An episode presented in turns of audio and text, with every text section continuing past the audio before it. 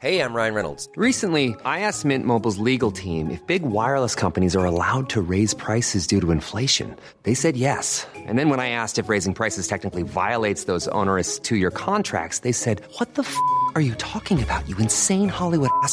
F- So to recap, we're cutting the price of Mint Unlimited from $30 a month to just $15 a month. Give it a try at mintmobile.com slash switch. $45 upfront for three months plus taxes and fees. Promo rate for new customers for limited time. Unlimited more than 40 gigabytes per month. Slows. Full terms at mintmobile.com. Jakob, Hej Esben. så her i onsdags, der var der jo afslutningsdebat op i, Mhm. mm-hmm. op i Folketinget. Mm-hmm. Og det er jo en lang omgang, og så har man brug for, for noget kaffe. Og sådan en lille hustrik op på Christiansborg, det er, at man kan gå ind og få en gratis kop kaffe på, på det sted, der hedder Servicecentret. Mhm. Ja. Okay. Øh, det er også der, man får adgangskort og nøgle og hjælp til, til sin IT og sådan noget. Ikke? Og bolcher, hvis man er sød og spørger pænt. Ja. Men den kaffe, gratis som den er, er ikke verdens bedste. Så der i onsdags, der dribler jeg ned i snapsetinget og får en americano med under armen og vender tilbage mod presselogen inde mm-hmm. i Folketingssalen. Og så der på vej op ad trappen mm-hmm. til Folketingssalen, der, altså Formor Years trappen, ikke? der møder jeg Frank Jensen. Nå, Ja, den tidligere okay. overborgmester Ja. øh, i København. Og han smilede og sagde hej. Og jeg kom til at tænke på der, da jeg, da jeg gik op der, at, at nu har jeg, tror jeg, har brugt 15 år eller sådan noget, sådan i tiltagende grad på politisk journalistik. Ikke? Ja. Der er én ting, der vedbliver med at være et mysterium for mig, og det er politikers psykologi.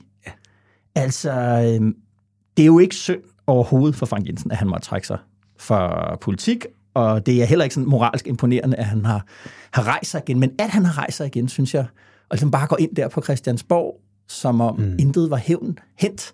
Øh, det synes jeg bare, det, mm. det viser noget interessant om, hvad, om, gør det. øh, om, om, hvad, om politikere. Det, ikke? det er sjovt, du siger det, fordi lige her til morgen var der en, der skrev til mig, øhm, en, der skrev til mig i en sms, hvordan kan det være, at Poul Nyrup og Henrik Sass hele tiden går til møder med Morten Bødskov over i øh, Erhvervsministeriet? Mm.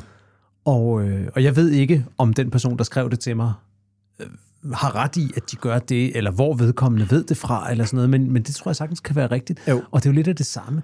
Hvad laver Henrik Sass og Poul Nyrup, som egentlig har forladt politik? Hvad laver de derovre? Ja. Og jeg tror, svaret er, at øh, lidt det samme som det der. Hun ved jo heller ikke, hvad Frank Jensen lavede på Christiansborg. Jeg ved ikke, spurgte du ham? Nej, jeg spurgte ham ikke, Nej, fordi okay. vi, det var travlt med at komme tilbage. Men, men, men det, Han skulle op og mødes med nogen. ikke slippe det. Han, han, han skulle op og mødes med nogen. Altså, og Poul Nyrup og Henrik Sass og Morten Bødskov, de var jo i mange år kernen ja. I det, man kaldte Nyrup-fløjen, ja. Ja. som, øh, som jo virkelig udkæmpede en masse slag i Socialdemokratiet. Og lige nu, det skal vi snakke om senere, er, er fløjene i Socialdemokratiet også begyndt at røre lidt på sig igen. Ja. Så det kan jo være, at det bare er, er venlige besøg, men det kan også være, at de to gamle stadigvæk er med til at... Er sjovt at kalde Henrik Sass en af de gamle egentlig, men Jo. det er han jo på en måde, i hvert fald en af de forhenværende at de stadigvæk er med til at, at støbe nogle kugler, og hvordan kommer vi tilbage? Lige nu er det jo sådan, at, at den der nye opfløj, øh, som, som nu hedder Morgenmadsklubben, ikke? at mm. øh, de faktisk kun har én minister i regeringen, nemlig ja. Ja. Bødskov selv. Ja, Til ja, ja, gengæld er de, så vidt jeg husker, hvis den største gruppering i Folketingsgruppen, så der er nogle ubalancer der. Det være, at vi skulle se at få tegnet de der kaffeklubber op igen, Ja, ja, ja, bare lige så man ved det. Men Nå, det er er også tænkt på med det,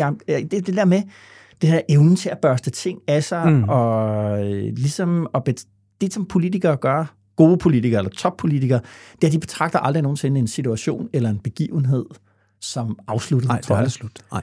Og for Frank Jensen, der var det var klart, den der MeToo-sag, den har jo haft store omkostninger Det for ham karrieremæssigt. Det må man sige. Men han betragter ikke, det er ikke ligesom lukket af. Jeg tror, jeg ved ikke, du vil tænke. Jeg vil tænke ligesom, okay, det var det. Det er overstået, det er ude. Jeg, jeg skal finde noget langt væk fra, Mm. fra den gamle scene her. Det, det, jeg er færdig. Ja. Og det, det, gør, det gør politikere. Politikere ved, at tiden går, og der stadig er muligheder. Det handler om at vente. Det handler om at, mm. at se, øh, se øh, muligheden, når den, øh, når den kommer. Og så, det var jo også det, der fik Frank Jensen, tror jeg, til at sige det der. Øh, han blev berømt for at sige dengang det der, jeg vil, du ved, jeg har været en del af problemet, nu vil jeg gerne være en del af løsningen. Ikke? Mm. Men, men jeg tror bare, at magtfulde mennesker, de tænker i muligheder langt længere, end, øh, end vi andre gør. Og det var det, jeg tænkte, da jeg mødte øh, Frank Jensen på vej op ad trappen, at der er stadig muligheder. Ja, lad, os se, lad, lad os se, hvad det er for nogle muligheder, han er inde og åbne. Det bliver spændende. Nå, men afslutningsdebatten, Jan, den skal vi, øh, den skal vi tale om. Mm. Den var jo både lidt kedelig og alligevel øh, rigtig spændende, synes jeg faktisk. Ja, du skrev jo en masse om det Ja. sammen med Erik Holstein. Det var, det var glimrende. Det har jeg læst med stor fornøjelse. Og så skal vi tale, Jacob, om øh, Liberal Alliance, fordi her er man mm. i gang med at arrangere et event, øh, som man kalder det, i KB-hallen, hvor ja. fanopslag skal optræde med gæster foran, håber man, øh, små 3.000 betalende publikummer. Ja, det er virkelig sjovt. Ja, det har kastet en del debat af sig, Ja, og den synes jeg, vi skal runde. Yes. Ja.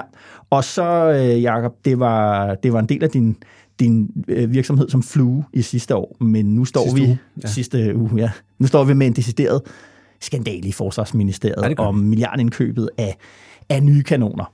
Øh, mistanken om vildledning på flere planer, øh, den breder sig nu, ja. og der er så manifest efter altingets afsløringer, at Jakob Ellemann Jensen, Trulsund Poulsen og regeringen har fået et meget stort forklaringsproblem. Det må man sige. Lad os tale om det også. Alright, Jakob, fra Folketingssalen til KB-hallen til våbenhandel for milliarder. Er det ikke et meget godt program? Det bliver fedt. Velkommen til DKP.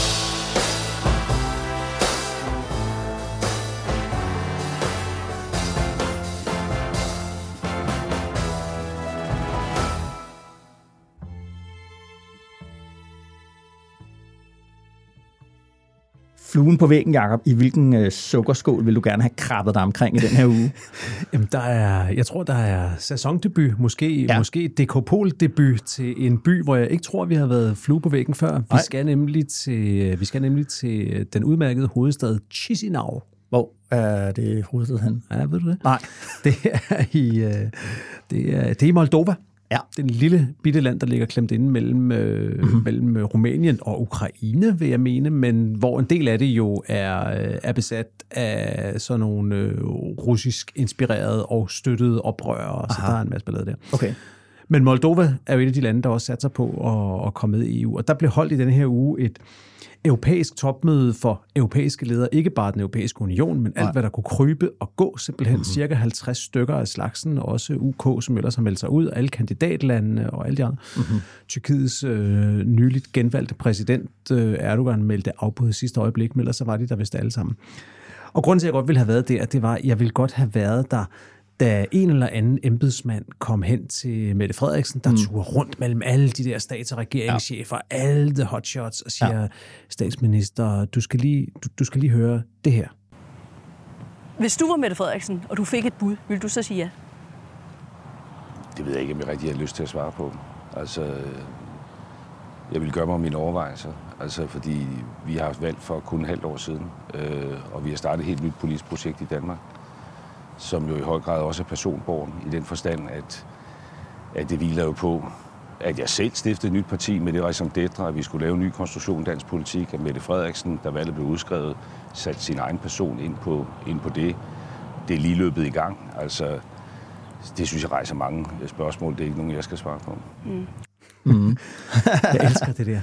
Det ved jeg ikke, om jeg har lyst til at svare på. Nej. Og så kommer der egentlig et, Ja. ja. et ret fyldigt svar, Ja. ja. med masser af indhold, må man sige. Ikke? Det er Lars Løkke i... Han er jo i Oslo Han er i Oslo til ja. NATO-udenrigsministermødet. De På- har, de har været omkring på Akershus, ja. Ja. som det hedder. ja.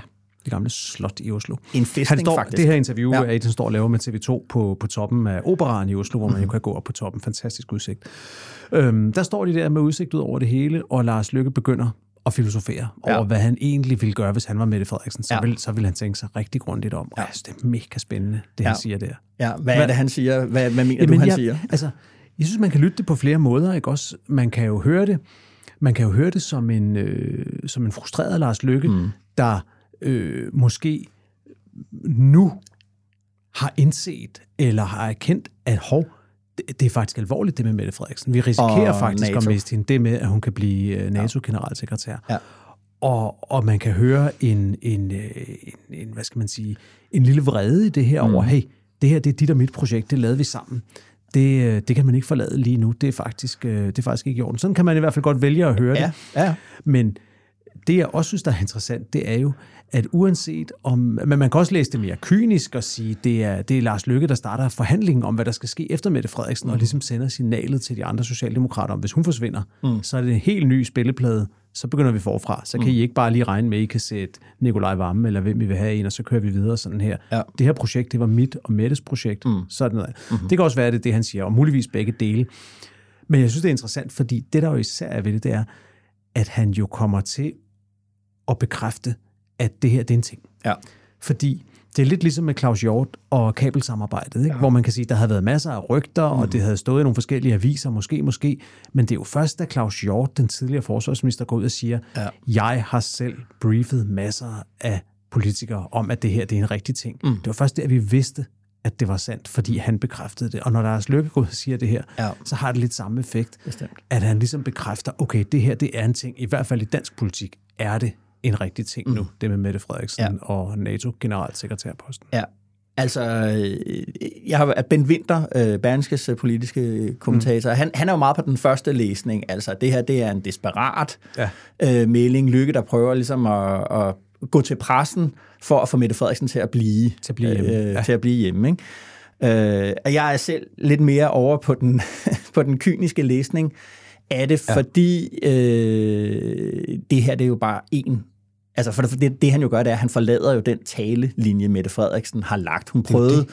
Øh, hele den her uge, også til afslutningsdebatten, at lægge den død og sige, jeg er ikke kandidat, jeg er glad for at være statsminister i Danmark. Det første Lykke sag op i Oslo, det var jo ligesom, da han blev spurgt af en eller anden norsk journalist, er hun kandidat? Og så siger han, som, det, som siger han, time will show. Altså, det kan da godt være. Ja. Det er jo også at forlade øh, hendes øh, budskab. Og når han, han har jo sagt ja til det her interview, og han ved jo godt, at det her spørgsmål dukker op. Og igen forlader han, øh, hvad det hedder, hendes øh, svar, og det stiller jo det der, vi talte om i, i, i, sidste, i sidste uge, Jakob. Hvem bestemmer? Mm. Altså, det, det er jo illoyalt. Altså, på en måde, jeg ikke kan huske, at jeg har set en minister i en regering offentligt gå ud og være så illoyal. Og det falder i rækken af, af, af at han har gjort i den sidste måneds tid. Mm igen og igen udtalt sig om Rwanda, om øh, vetoret i EU, om øh, seniorpension og, og, mm. og øh, egenbetalt ældrepleje, som jo hele tiden bringer Mette Frederiksen defensiven, hele tiden skubber det over på hende og svarer. Ikke? Øh, det jeg ikke tror i den kyniske analyse, det er, at at han har en stor masterplan på den måde. Nej, det er sikkert rigtigt. Jeg tror, han, han, altså, hans natur er at skubbe til ting. Ja. Ja, men jeg, jeg synes jo i hvert fald også, man, man kan se, at uanset hvad der er op og ned i det her, så må man bare sige, at det har haft den effekt, at det har skabt en masse uro internt i Socialdemokratiet. Masser. Fordi at uh, nede i de næste geleder er det jo altid sådan, at der er meget, meget få, der ved, hvad der er op og ned i det her, og ingen ved, hvordan det ender, så mm. man, men man må for en sikkerheds skyld forholde sig til det. Og det betyder, alle de kaffeklubber, vi snakkede om i indledningen, ja. alle de balancer, de bliver pludselig reaktiveret. Folk begynder at kigge på, er Hummelgaard klar? Kan han udfordre varmen? Man sidder varmen sikkert på den. Hvis varmen sidder der, mm. hvem skal så være hans mm. nummer to? Hvilken mm. rolle skal Bødskov spille? Du ved, alt det bliver aktiveret ja. igen. Og aktiveret og af det, dem selv jo. Og det er jo noget, der tager tid og energi væk fra det, de egentlig nok hellere vil gå og, og, og beskæftige sig med. Så man kan sige, uanset hvordan det her ender, så er det, som jeg ser det, et forløb, der har været ekstremt skadeligt for Mette Frederiksens lederskab og for Socialdemokraterne, uanset om hun går eller bliver. Mm. Og, så, og Lykke har været med hele vejen. Han har med til at skabe det. Ja. Det har han altså, ja. Og, og det, så vil jeg sige til, til altså, altså, og, jeg, og jeg tror stadigvæk, at det er much ado about nothing. Jeg tror, det tror når, vi, når vi står efter NATO-topmødet i juli, så tror jeg ikke, vi har en generalsekretær, der hedder Mette Frederiksen, men... men øhm, Af hvilke grunde, ja, det bliver du nødt til lige at sige. Måske igen. Jamen, jamen jeg tror, hvis, hvis de andre lande med Joe Biden i spidsen kommer og siger, Mrs. Frederiksen, det er dig, vi vil have. Du er den eneste, der kan gøre jobbet, du er den bedste. Så vil jeg sige, så, så tager hun det. Også selvom hun måske, også selvom hun måtte være ærlig, når hun siger nu, at hun ikke er kandidat. Der kan være situationer, hvor du ved, pligten over for kongeriget og den betydning, det har for Danmark at have den post og mm. alting, så tror jeg, så tager hun den. Så det er ikke for at sige, at hun aldrig ville gøre det. Men jeg kan ikke se Mette Frederiksen føre en ligesom målrettet kampagne for det, som Anders Fogh gjorde tilbage dengang, hvor han fik den. Der var det jo en strategi. Han ville have den post. Mm. Det, det kan jeg ikke se har været tilfældet her. Mm. Og så tror jeg, når man kigger på det samlede billede, Mette Frederiksens baggrund, det, at der lige har været først en dansker og så en nordmand på posten, det tror jeg til sammen gør, mm. at i det spil, der er til sidst, der tror jeg simpelthen, at man vil, at man vil vælge en anden. Mm. Og det er jo meget, meget tit i spillet om de der internationale udnævnelser, at dem, som bliver nævnt allermest i forløbet op til. Ja. Det er ikke det, altså det, det er ligesom når du sidder og ser cykelløb, ikke også? Jo. Altså, at, at, at øh, det, det kan godt være, at du, du fører feltet an hele vejen frem til spurten, men det er jo aldrig den, der ligger forrest i feltet Ej, ude på landevejen, der ender med at vinde spurten. Ej. Sådan er det meget sjældent, mm. og sådan er det også tit i de der udnævnelser. Mm-hmm. Mm-hmm. Den er købt. Vi, vi, må, øh, vi må følge Det med. var en lille tur til Chisinau, Ja. hvor vi godt ville have set hendes ansigt, da hun, øh, da hun Ja. ja. hørte det der interview, for det kunne have givet lidt af svaret på, øh, på øh, hvordan det var. I øvrigt var der jo mange andre stats- og regeringschefer dernede, der så stillede op også til interview øh, med, med TV2, tror jeg, dernede, og mm. udtalte sig meget, meget rosende om Mette Frederiksen. Så, så der er i hvert fald ikke nogen tvivl om, at hun er et af de navne, der står på de der shortlists, der ja. findes rundt omkring. Hvor vil du gerne have hende den her uge? hjemme hos øh, Morten Messerschmidt i, ja. I søndags, øh, hvor det, der er blevet kaldt den nye Messerschmidt, blev født. I hvert fald på, på Twitter, hvor han indledte et par dages meget, meget hæftig øh, Twitter-aktivitet. Ja. Ironi, sarkasme og benhårde personangreb. Øh, ja. Og ikke bare sådan til kolleger fra DK-Pol-boblen og, mm-hmm. og sådan noget, men også til, til den almindelige mand og kvinde, der måtte have noget at, ja. at, at, at sige. Det var... Øh, jeg opdagede det selv der søndag aften, så der, det? der var Okay. Messersmith, og der- der var han igen, og så gik jeg ind på han, og så, du ved, man kan jo se, hvad... Hvad skete, ikke? der, for, hvad skete der? Ja, altså, hvad skete der? Jeg tror, at det, der er sket, der er en sådan, det, en blanding af opsparet frustration over mm. Twitter, øh, over den offentlige debat om, du ved, at man må gå meget hårdt til Messerschmidt og nationalkonservativ ligesindet, og, og, og hver gang man går lidt, lidt den anden vej, så er det meget ømskinnet mm. og, og sådan noget. Så det, det, den, den, den, den, det betød noget, ikke? Jo. Øh, så har Morten Messerschmidt jo en hang til kontrovers. Mm, og, og han har også en lyst og en trang til at blive set. Ja. Øh, og, øh, og så tror jeg måske også lidt kedsomhed har spillet, øh, har spillet en, en rolle der. Det var i hvert fald også, hvad han, hvad han selv... Han sad derhjemme, og der var ikke lige noget at lave, og så tænkte han, nu fik den et ordentligt, øh, nu fik den et ordentligt skrald. Ja. den moderne medievirkelighed, at du kan sidde hjemme en søndag aften, og hvis du øh, banker nok ned i din telefon i en time eller to, så tager du pludselig forsiden af Berlinske, fordi så, øh, Ja. ja. så er det en ny situation ja. Ja. i politik. Det er Ja. underligt, ikke? Jo. Men jeg tror også, at konklusionen i Dansk Folkeparti, det er, at, øh, at nu har formanden prøvet det af og set, hvad, hvad, hvad, hvad det med medie, medie kunne, og nu er man så inde i den fase, nu talte du om cykelsport før, når man er ude og, og, og træne, så kan man lige råbe til de andre, tag den lige en ned, når man gerne vil Ja, okay. køre lidt, øh, lidt langsommere, og det, Ja. det, det tror jeg, at, øh, at man er blevet enige om, at, øh, at man lige skruer lidt, lidt ned der, ikke? fordi Ja, okay. det går jo selvfølgelig ikke. Øh, altså, hvis man som formand både vil blive taget seriøst i den, i den, der, i den brede debat, mm. men jo også i forhold til politiske forhandlinger mm. og allianceopbyggeri ja. og sådan noget, så, så nytter det jo ikke noget, at man drager gennem Twitter med en, med en blodtørstig machine sådan søndag mandag aften. Alright, der ville jeg også godt have siddet og set, hvad, hvad der egentlig foregik rundt om ham, da han, da han gik mm. løs på Twitter. Jakob, lad os lige tage en pause, og så, så lad os vende tilbage til sagen om øh, Jakob Ellemanns våbenindkøb. I'm Sandra, and I'm just the professional your small business was looking for. But you didn't hire me because you didn't use LinkedIn jobs. LinkedIn has professionals you can't find anywhere else, including those who aren't actively looking for a new job but might be open to the perfect role, like me. In a given month, over 70% of LinkedIn users don't visit other leading job sites. So if you're not looking on LinkedIn, you'll miss out on great candidates like Sandra. Start hiring professionals like a professional. Post your free job on linkedin.com/people today.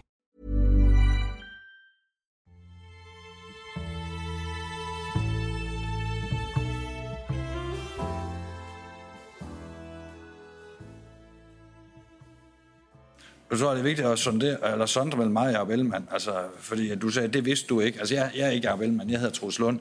Øh, og, og det var Jacob, der, der ligesom fremlagde det aktstykke øh, i øh, Finansudvalget, de to aktstykker, der var. Og derfor synes jeg også, det mest rigtige er, at vi nu får en redegørelse, som beskriver, hvad skete der op til det aktstykke, øh, hvad er op og ned i den sag, og så får vi rig lejlighed til så øh, at få øh, en diskussion af det. Øh, og jeg noterer mig også, der er rejst den kritik fra Finansudvalgets side.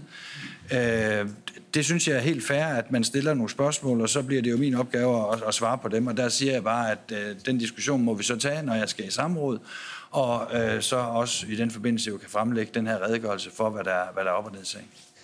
Ja, Jacob, her er det fungerende forsvarsminister Troels Lund Poulsen, der mm. svarer på altingets spørgsmål øh, i sagen om det her indkøb af israelske kanoner, for at erstatte dem, vi har sendt til Ukraine. Sagen baggrund, som vi også forklarede sidst, Finansudvalget i Folketinget fik bare to timer til at, at godkende øh, købet, fordi Ellemann Jensen oplyste, at ellers ville tilbuddet udløbe, og det har vi så vist her på altinget, ikke passede. Ja. Og nu ordførende rasende, de føler sig vildledt. Øh, det får de jo støtte i af flere eksperter, der også mener, at det er det, der er, der er foregået. Og der er jo så mange interessante ting i det, Troels Lund Poulsen øh, siger her. Øh, et er, at øh, der ikke bare er et, et, et samråd på vej, men der er også en redegørelse. Altså han har bedt ministeriet redegøre for, hvad der egentlig mm. skete i, i alt det her. Øh, for det interessante spørgsmål, kan man sige, det er jo, var det noget, Jakob Ellemann Jensen selv fandt på, at der skulle ske? Altså det her med, at han oplyste, at der var et tilbud, der udløb, selvom det ikke passede, eller er det noget, der er sket i embedsværket, eller er det noget, der er sket i forsvaret? Ja, det, det vil vi præcis, gerne vide. Ikke? Lige præcis, rigtig interessant. Og så er der jo det meget øh, øh, øh andet interessante i Trulsund Poulsens svar, det er det der med, han siger, Jamen, det er jo ikke mig, der er Jacob Ellemann. Ja. Skal vi ikke lige gemme den? Fordi det er jo nede i venstre, tænker jeg. Hvis vi, hvis vi lige mm. starter med, med, med substansen. Fordi, så, så er der jo kommet et element mere på den i denne her uge, da vores gode kolleger her på Altinget, øh, Andreas Krog og Katrine Lønstrup, de, mm. øh, de afslørede, at, øh, at Finansudvalget faktisk fik decideret forkerte oplysninger, udover det med øh, tilbuddet, der, der ikke udløb, mm-hmm. så stod der jo i orienteringen til Finansudvalget, ja. at forsvaret havde været i kontakt i denne her forbindelse med det franske våbenfirma, som øh, havde leveret de gamle kanoner, vi har sendt til Ukraine. César. Ja, øh, mm hvad det hedder, Nexar, tror jeg, firmaet hedder. Ja, Nexar. ja og våbensynet. Og, øhm, mm. og, at, øh, og at øh, de ville ikke være i stand til at levere hurtigt, og der stod forskellige ting. Mm. Og der har vi jo simpelthen øh, talt med det franske våbenfirma, og de siger, mm. nej, vi bliver ikke kontaktet. Ja. Altså, de har simpelthen ikke kontakt med os, og det er meget svært at se, hvordan... Altså, det er to ting. Begge dele kan simpelthen ikke være Man rigtigt. havde, sagde jo, man havde indhentet tre tilbud, ja. øh, hvor det, fra det, det israelske firma Elbit var det ene, og fra Nextar, det var det et af de andet. Og, øh, og man var så kommet frem til, ligesom, at, øh, at det var så Elbit, der var bedst ja. til, til det og, og sagen ved det er, at det der tilbud fra, fra Nexter, det franske, den franske våbenproducent, det er aldrig blevet givet. Nej, mm. det fandtes ikke rigtigt. Man havde regnet lidt videre på nogle gamle tilbud, de havde givet og sagt, så må vi forvente, at det vil ja. koste sådan og sådan og sådan, ja. men man havde ikke indhentet et aktuelt tilbud, så ja. det er jo meget, meget alvorligt. Så substansen i det er rigtig, rigtig alvorligt. Det vil jeg sige, det er den type sag, så hvis vi har haft en, en mindretalsregering, ja så vil man typisk sige, at det vil nok være svært for en minister at overleve sådan en sag, fordi hvis vi forestillede os, det var en, øh, i hvert fald i, hvert fald i, i, i det traditionelle parlamentariske ja, billede, ja, ja, ja. ville det være svært for en minister, for, fordi støttepartierne simpelthen vil sige, det kan vi ikke stå model til det her, den kan vi ikke tage til på os. Nu har vi jo en flertalsregering, så det ja. er lidt anderledes, vi må se, hvordan det udfolder sig. Ja. Men det er jo meget naturligt, at Troels Lund, synes jeg, beder om at få den der redegørelse, fordi han er jo også nødt til helt banalt at have noget at støtte sig til. Ja. Have noget at støtte sig til at sige, hvad var det egentlig, der skete, ja. og hvad, hvad, hvad er op og ned i det her. Så ja. det, det hjælper dem selvfølgelig med at købe lidt tid, ja. men omvendt, så kommer den redegørelse jo også, og så vil der enten være svar eller ikke være svar på de spørgsmål, og nu ja. vil alles øjne hvile på den, mm-hmm. så det er ikke noget, man kan bruge som en tryllestav til at komme ud af det, synes jeg så. Nej. Sindssygt alvorlig sag, synes jeg, øh, fordi at det der med, at give rigtige oplysninger til Folketinget. Det er jo simpelthen kernen i uh, ja. parlamentarismen, at Folketinget skal kunne stole på det, regeringen siger til dem. Ja. Og så har den det ekstra lag af alvor, at Mette Frederiksen jo, eller regeringen jo lige nu mm. har været ude at sige, at de vil bevilge, hvad er det, 143 milliarder over mm. de næste 10 år til forsvaret ja. på forskellige måder. Det er jo ikke alt sammen til, til krudt og kugler, men på alle mulige måder. Og det her, det rejser jo spørgsmålet, er den organisation i stand til at forvalte de penge på en ansvarlig måde, hvis det er sådan her, man bedriver indkøb? Det er jo det spørgsmål, det rejser. Ja, og yderligere så kom det jo frem her lige op til, at forsvaret skulle have ekstra penge, at uh, der var en manko på 38 milliarder. Altså, ja. vi taler jo i det, den her podcast rigtig meget om konkurrencestaten, og den, den trak jo økonomistyring igennem hele det offentlige Danmark. Ja. Det eneste sted, hvor man kan sige, at ja. Øh, konkurrencestaten ikke rigtig findes, Øh, det er jo i forsvaret, ja. øh, hvor økonomistyring og det her med at betragte forsvaret i sådan et public administration perspektiv, øh, det, det prøvede øh, den forrige regering også ligesom at sige, forsvaret er i virkeligheden en slags styrelse, ja. og skal styres på den måde, og det har man jo været meget, meget vred over, at, øh, at man sådan skulle have ja. en, en ikke-militær øh, overbygning ja. på, på sit virke. Men hvis man kigger på det her, så kan man sige, hvor er den her fejl opstået? Og mm. jeg vil sige, der er jo sådan set tre steder, den kan være opstået. Den kan være opstået ved, at ministeren på en eller anden måde har, har valgt at fejlinformere Folketinget, ja. det, det betragter jeg egentlig som relativt usandsynligt her. Hvorfor skulle han dog gøre det? Ja. Altså, det, det er få, ret svært få at se uger. Han var jo været, været ja. forsvarsminister i tre uger, eller ja, sådan noget. Ikke? Ja. Det, men, men derfor kan han selvfølgelig godt stadigvæk have det ja, ja. politiske ansvar at blive væltet på sagen, Bestemt. men det er svært at forestille sig, at Jacob Ellemann sidder over for nogle vrangvillige embedsmænd og siger, kom nu, vi, øh, vi, ja, ja. vi, vi strammer den der med franskmændene ja, lidt. Vi tvister den lige. Vi tvister den. Den anden mulighed, det er jo, at, øh, at det kommer fra dem, der sidder med den slags, nemlig den styrelse, der hedder FMI, Forsvarets Materiel- og Indkøbsstyrelse, som jo er en kæmpe styrelse. Altså, ja. de har 2300 medarbejdere faktisk. 2300 medarbejdere, ja. hvoraf øh, cirka en fjerdedel af dem er, er militære. Mm. De indkøber årligt for cirka 10 milliarder kroner. Ja. Eller ja, administrerer sådan 10 milliarder kroner i indkøb om året. Ikke? Ja. Kæmpe styrelse. Og det er vel dem, der sidder og lægger, hvad skal man sige, støber boldene, støber mm-hmm. kuglerne til sådan noget her. Mm-hmm. Det kan være dem, der har givet forkerte oplysninger. Mm-hmm. Og den tredje mulighed er, at, øh, at, at indkøbsstyrelsen her egentlig har givet korrekte oplysninger, mm-hmm. men at det er blevet twistet, så det er blevet forkert op i ministerens departement, altså ja. embedsmændene tæt på, på Ja. Ellemann. Ja. Og det aner vi jo ikke, hvilken af de tre dele det er. Nej. Men, men, øh, men det er jo noget af det, som redegørelsen vil vise, og svaret på det spørgsmål vil også nok have stor betydning for, hvor alvorligt det bliver for Jacob Ellemann, det her. Ikke? Mm-hmm. Fordi altså, der kan vel være en udgang på det, hvor, hvor man meget præcist kan sige, hvor i systemet den fejl er opstået, Ja. ja. og, og hvis det så kan føre til, at, at en eller anden bliver bliver forflyttet til at blive, øh, jeg ved ikke, parkeringsvagt øh, nede på Højbroplads mm. eller et eller andet, så kan det jo godt være, at det er nok til, at ministeren slipper af krogen. Mm. Jeg tænker også på øh, Forsvarsministeriet til departementschef her, øh, mm. Morten Bæk hedder han. Altså, alle sådan nogle ting, uanset hvor det stammer fra, løber jo hen over hans ja. øh, skrivebord. Øh, Han har selvfølgelig kæmpe ansvar. Ja, han, der er jo et kæmpe ansvar, der, der, der ligger der. Han, ja. han må jo være sikker på, at han ikke sender sin minister ind i finansudvalget med så skarp en, øh, en, en deadline. De, det var de jo sure over, allerede da de fik den, altså før vi vidste, at det ikke passede, var de jo sure over, at, at så stor en beslutning skulle træffes så hastigt. Ikke? Jo. Øh, det må så han, altså det dukker jo også op der. Det gør det da. Og det synes jeg jo, altså, det synes jeg er en pointe her, øh, en, en form for politisk skæbnens ironi, fordi Jakob Ellemann Jensen var jo førende i kritikken af Mette Frederiksen i Mink-sagen, som jo, altså, hvor en del af kritikken var inkompetent, dårligt ledelsesrum, mangelfulde oplysninger, alt det der. Øh, han måtte sluge al den der at det var, kritik at for det var at komme i... forhastet, ikke? At hun, Præcis. hun hastede det igennem. Præcis. Og, og, og den, den kritik stod han så og måtte sluge på, på landsdækkende fjernsyn der i, i december for at komme i regering. Og så kommer han selv til, til ministerfadet, og han har ikke været der mere end tre uger. gør. Det er en sag, som øh, uden sammenligning i mellem mink og, og våbenindkøb jo er præget af de samme problemer, øh, som øh, han kritiserede Mette Frederiksen Det- for. Det er jo, det Politik er utroligt. Ja, det er det altså. Nå, men så lad os komme ind i det der med, jeg er ikke Jacob Ellemann, jeg er Troels Lund Poulsen. Jeg Altså sådan man kan sige, der, der er to, igen to muligheder øh, for at forstå det. På den ene side, så kan man sige, at han opstiller to stole der. Øh, jeg er fungerende, han er stressramt øh, og sygemeldt, og så er der mellem to stole, der kan ansvaret øh, falde ned. Øh, eller også så kan man høre det sådan, at han faktisk peger Jacob Ellemann ud og siger, ansvaret det er derovre mm. hos ham. Ja. Det var i hvert fald sådan, det blev hørt af mange. Jeg talte med nogle venstrefolk her i ugen, som, øh, som var dybt forbløffet over den udtalelse, fordi de sagde, nu har Troels ellers været så lojal hele vejen igennem, så næsten med lidt overraskelse i stemmen. De synes virkelig, han har håndteret ja. denne her vikarsituation med meget, meget stor loyalitet over for mm-hmm. Jacob Ellemann, og derfor var de forbløffet over, at lige den der udtalelse, jeg er ikke Jacob Ellemann, jeg er Troels Lund, mm. det lød som det modsatte. Ja. Men han har så også været ude faktisk bagefter mm-hmm. og forsikre om, at han kunne godt selv høre, det kom til at lyde sådan, men Ja. ja. det var faktisk ikke det, han mente. Og ved du hvad, det, det tror jeg faktisk på, Mhm. mm-hmm. at han, han får et spørgsmål af Alting Journalist, mm. der handler om, mm. hvorfor de sagde det der, mm. når det ikke var rigtigt. Ja. Og der øh, har han den, synes jeg, egentlig meget menneskelige refleks at sige, du skal lige huske, det var altså ikke, det var altså ikke mig, der sad dengang. Det jeg var kan ikke sige, hvad Jacob var en Ellemann vidste eller ikke vidste. Ja, det, det kan han jo ikke svare på, for han sad der ikke sikkert.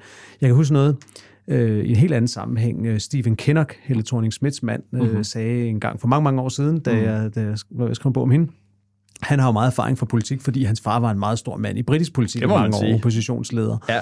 øh, som aldrig blev premierminister. Ja. Og der sagde Stephen Kinnock, hvis man i politiske forløb skal er i tvivl om, om noget det er udtryk for sådan et øh, bare et totalt fuck-up, eller om det er dyb strategi, så tro altid som udgangspunkt på, at det er et fuck-up, fordi Ja. at tingene er meget mere tilfældige, end de fleste går og tror. Mm. Og det, den, den læresætning tror jeg, jeg vil hive ned over denne her og sige, Troels kommer til at sige noget dumt, mm. men jeg lægger egentlig ikke så meget i den. Mm. Hvad tænker du? Åh, oh, altså igen lidt ligesom med Mette Frederiksen og NATO og spekulationer. Det er jo ligesom, at, at grunden til, at der er nogen, der hører det som noget andet end et fuck-up, altså fra Troels Lunds øh, side, han kommer til at sige noget, øh, han, han mener, men som der ikke ligger noget dybere ja. i, det er jo, at de der tanker om Ellemann, der kommer tilbage, og hvordan bliver det, og hvordan har han klaret det, og skal mm. vi have en anden, de lever jo, altså der, er- kaffeklubberne er blevet åbnet igen over ja. i Socialdemokratiet, så lever den her diskussion i og omkring Venstre jo stadigvæk, ja. også selvom at Ellemann sendte ja. ja. den der besked ud. Ikke? Øh, der, er jo, der er jo diskussioner om, om det ville være bedre, og om Troels Lund Poulsen rækker, vil række ud efter og, magten. Og denne her sag forstærker jo diskussionen, fordi at den rejser spørgsmålet, kan han komme tilbage? Altså, øh, både på grund af, af, af det politiske pres imod ham i sagen, men også fordi øh, altså, han vil så vende tilbage til en kæmpe møgssag som det allerførste, og ja, det ja. rejser alle, øh, det rejser alting igen.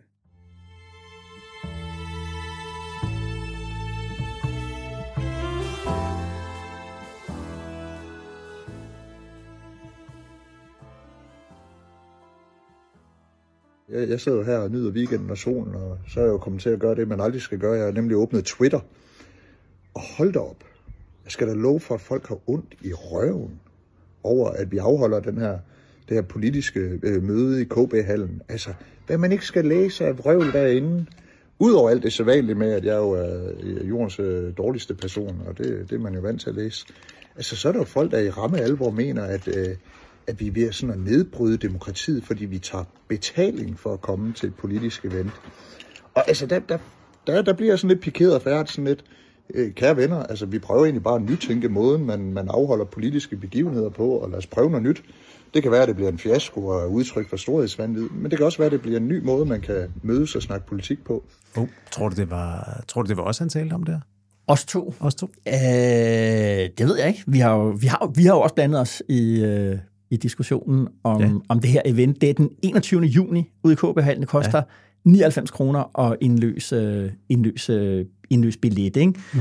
Øh, og det er jo, jeg tror ikke direkte, jeg ved ikke om det, det, det kan godt være, at der også har været en reference til os, men det, som folk jo først og fremmest var pikeret over, det er også det, han taler om her, det er det der med, at man skal bi- billetpenge. Mm. Selvfølgelig. Og det var også det, som, som, som jeg tweetede om, det der med, ja. at det, at man skal betale penge for at se politikere, det fundamentalt ændrer relationen mellem politikere og vælgere, Ja. og du, øh, du, du skrev det selvfølgelig lidt klogere bagefter i, et andet, i et andet tweet, ikke? Lad os, lad, os, lad, lad os tage argumenterne ned, altså, fordi det, der har, i forhold til det der med pengene, der siger man fra LA's side, jamen, altså før der betalte man for partimedlemskab, og man havde måske et abonnement på en partistøttende avis. Ja.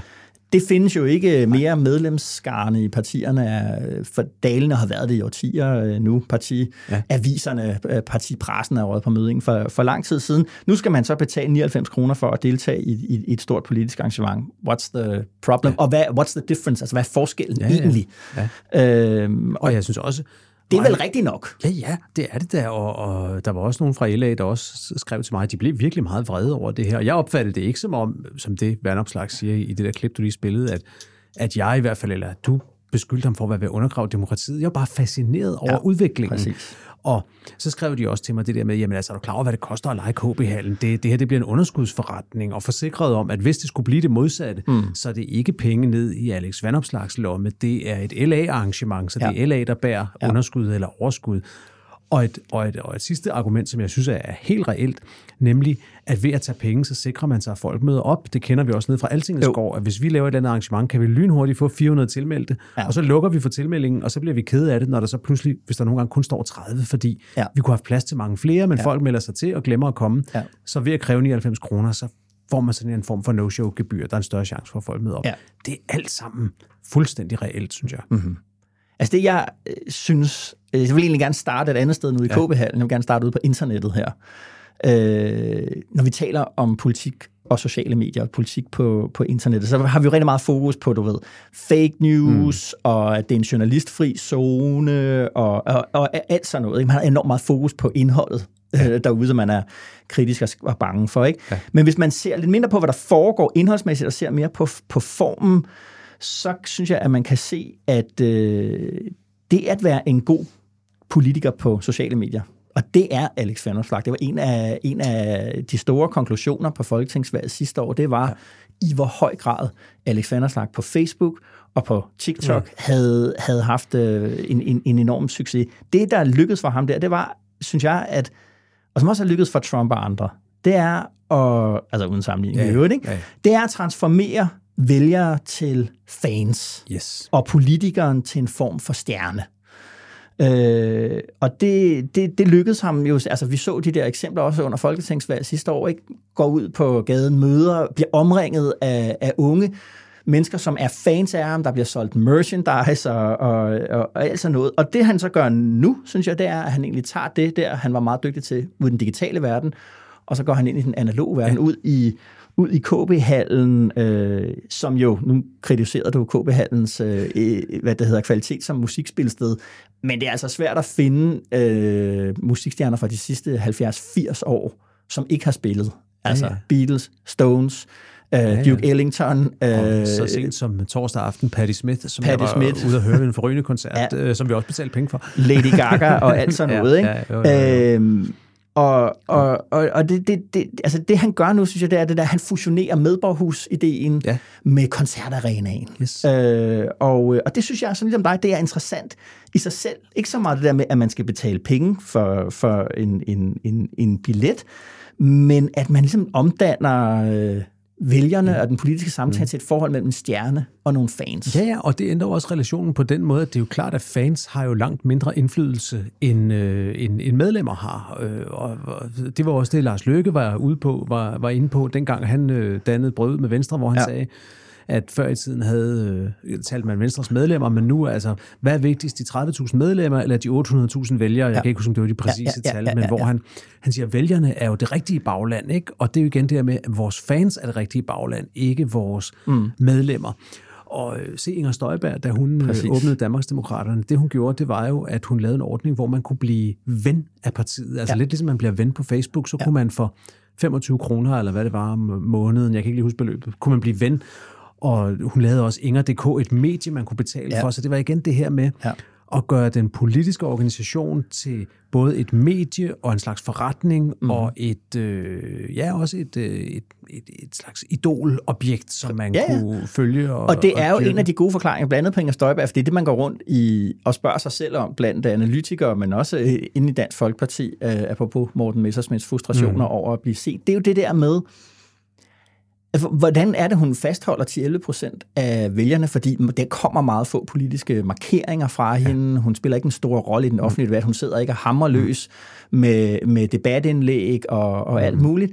Og en del af forklaringen her, det er, at hun har fans mm. i mine øjne. Altså, der er nogen, der simpelthen bare, de, de, deres forhold til hende som politiker er, er som, som, som øh, følger og fans er af en popstjerne. Præcis. Mm. Og, og, og, og i forhold til vandopslag er der jo ingen, der beskylder ham for ikke at være til stede i debatten, og så Ej, han det blander sig jo alle mulige Lige ting, komme med en bog stiller og alt det og, der. ja, ja, ja, ja, Ja. så det er slet ikke det, men det er den der relation, som er spændende. Jeg, jeg tjekkede lige op på det også, fordi at jeg kunne huske, at, øh, at jeg stussede over det i Lars Lykkes første af tre bøger, tror jeg, han skrev. Han gav, udgav lige tre bøger i rap på tre år. Den Jo. første af dem, det var den der befrielsens øjeblik, hvor, øh, hvor han jo i en, øh, en henkastet bemærkning skriver noget om Søren Pind, og så han kunne være blevet en god kulturminister eller sådan noget, skriver han. Ja. Og så kaster Lykke sig ud i en beregning af, hvor meget Pind egentlig tjener på den foredragsturné, som Pind på det tidspunkt er ude på, da han lige har forladt politik. Ja.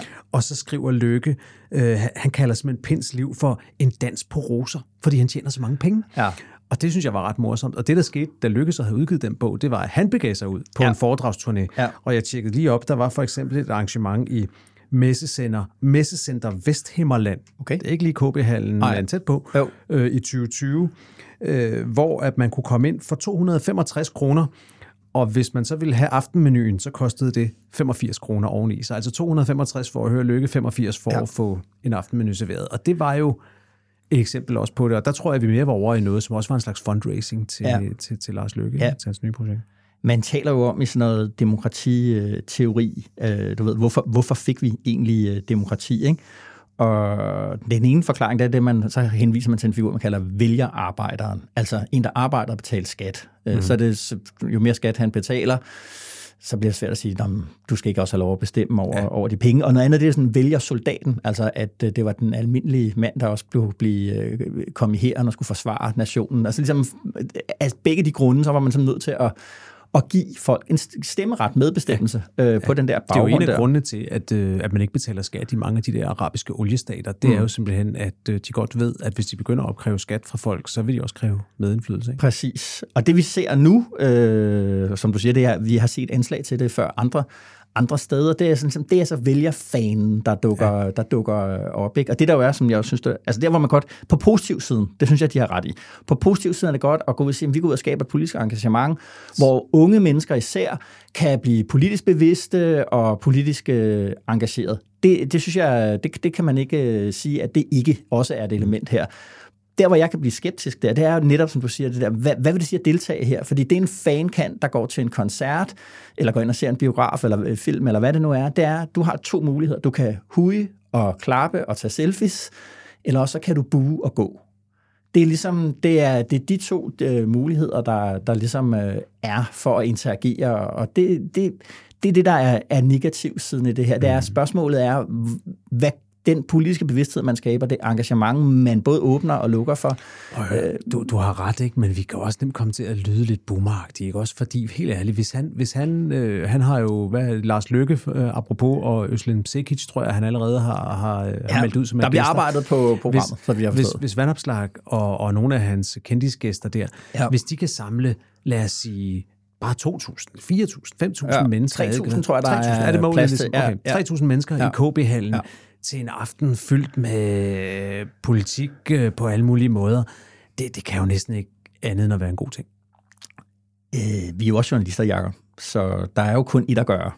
Og det er jo vi, vi at må tage ud se det. Ja, simpelthen. og se, hvad der sker. Og jeg taler lige nu med, med Liberal Alliance, om jeg muligvis kan, også kan få lov til at komme med der backstage og føles lidt med Alex. Og Ja, sådan, okay. ligesom Så er det bare, så er det bare 200 kroner i stedet for 100.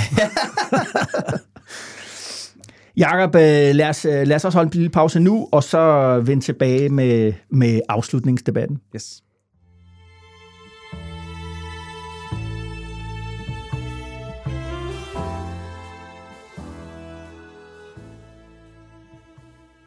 Udfordringerne er der masser af. Men der er også grund til håb. Et vestligt sammenhold, der står stærkere end i mange år. En robust, stærk dansk økonomi. Nye løsninger på klimaforandringerne.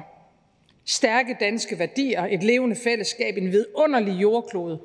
Og dig midt i det hele. Og lige rundt om hjørnet. En dansk sommer med festivaler og lyse nætter, hvor I forhåbentlig kommer til at feste til solen står op. Ja, Jacob. Øh, Wow. Ja. En vidunderlig jordklode Ja. ja. og lyse nætter og en dejlig Fest. dansk sommer. Ja.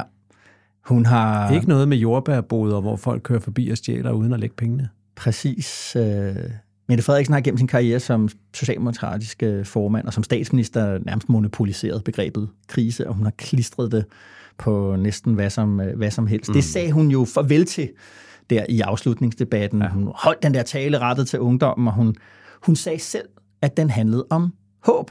Mm-hmm. Øh, og det var jo sådan, øh, når man sad derinde, øh, der har været tiltagende kritik, øh, frustration over, øh, at, at hun bruger det, har talt så meget om krise og undtagelsestilstand og sådan noget, ikke? Og i takt med, at øh, økonomien øh, øh, kun er blevet, blevet, pengene vælter ind i statskassen, mm. og alle har et job i Danmark, så har regeringen ligesom sagt, okay, det, den går ikke længere, den der krise, kriseretorik. Så vil hun gerne tale om, om håb. Der er sådan en Øh, sjov, øh, der er sådan, der er sådan en sjov modsætning her mellem dansk politisk kultur og amerikansk politisk kultur. Ja.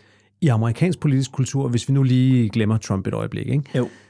Som måske har lavet lidt om på det, men ellers, så har det været en fast del i, i amerikansk politisk kultur, at du kom til magten på et løfte om håb. Ja. På håb, tro på en bedre tid, Amerika, der altid vil blive en bedre version i morgen, end den var i går. Ja. Og når du så skal genvælge og bevare magten, så er det typisk på et løfte om at være en god krisemanager. I disse alvorlige tider kan vi ikke overlade det til... Kain-eksperimenten. Ja, lige præcis til sådan en, en, en ung mand, øh, ja. som øh, Reagan vist engang sagde til, til sin modstander, ikke? Til, til, til Jimmy Carter, eller hvem var det. Øhm, og i Danmark der er det lidt omvendt. Der kommer du til magten på en krisefortælling. Du kan godt få ryddet op, og når du så har fået magten, så prøver du at bevare Ja. ja. den på en historie om håb. Den, øh, den logik øh, er der. Hun brugte slet ikke ordet krise, det er også derfor, jeg valgte det her mm. klip med. Hun, hun brugte ordet udfordring i stedet for.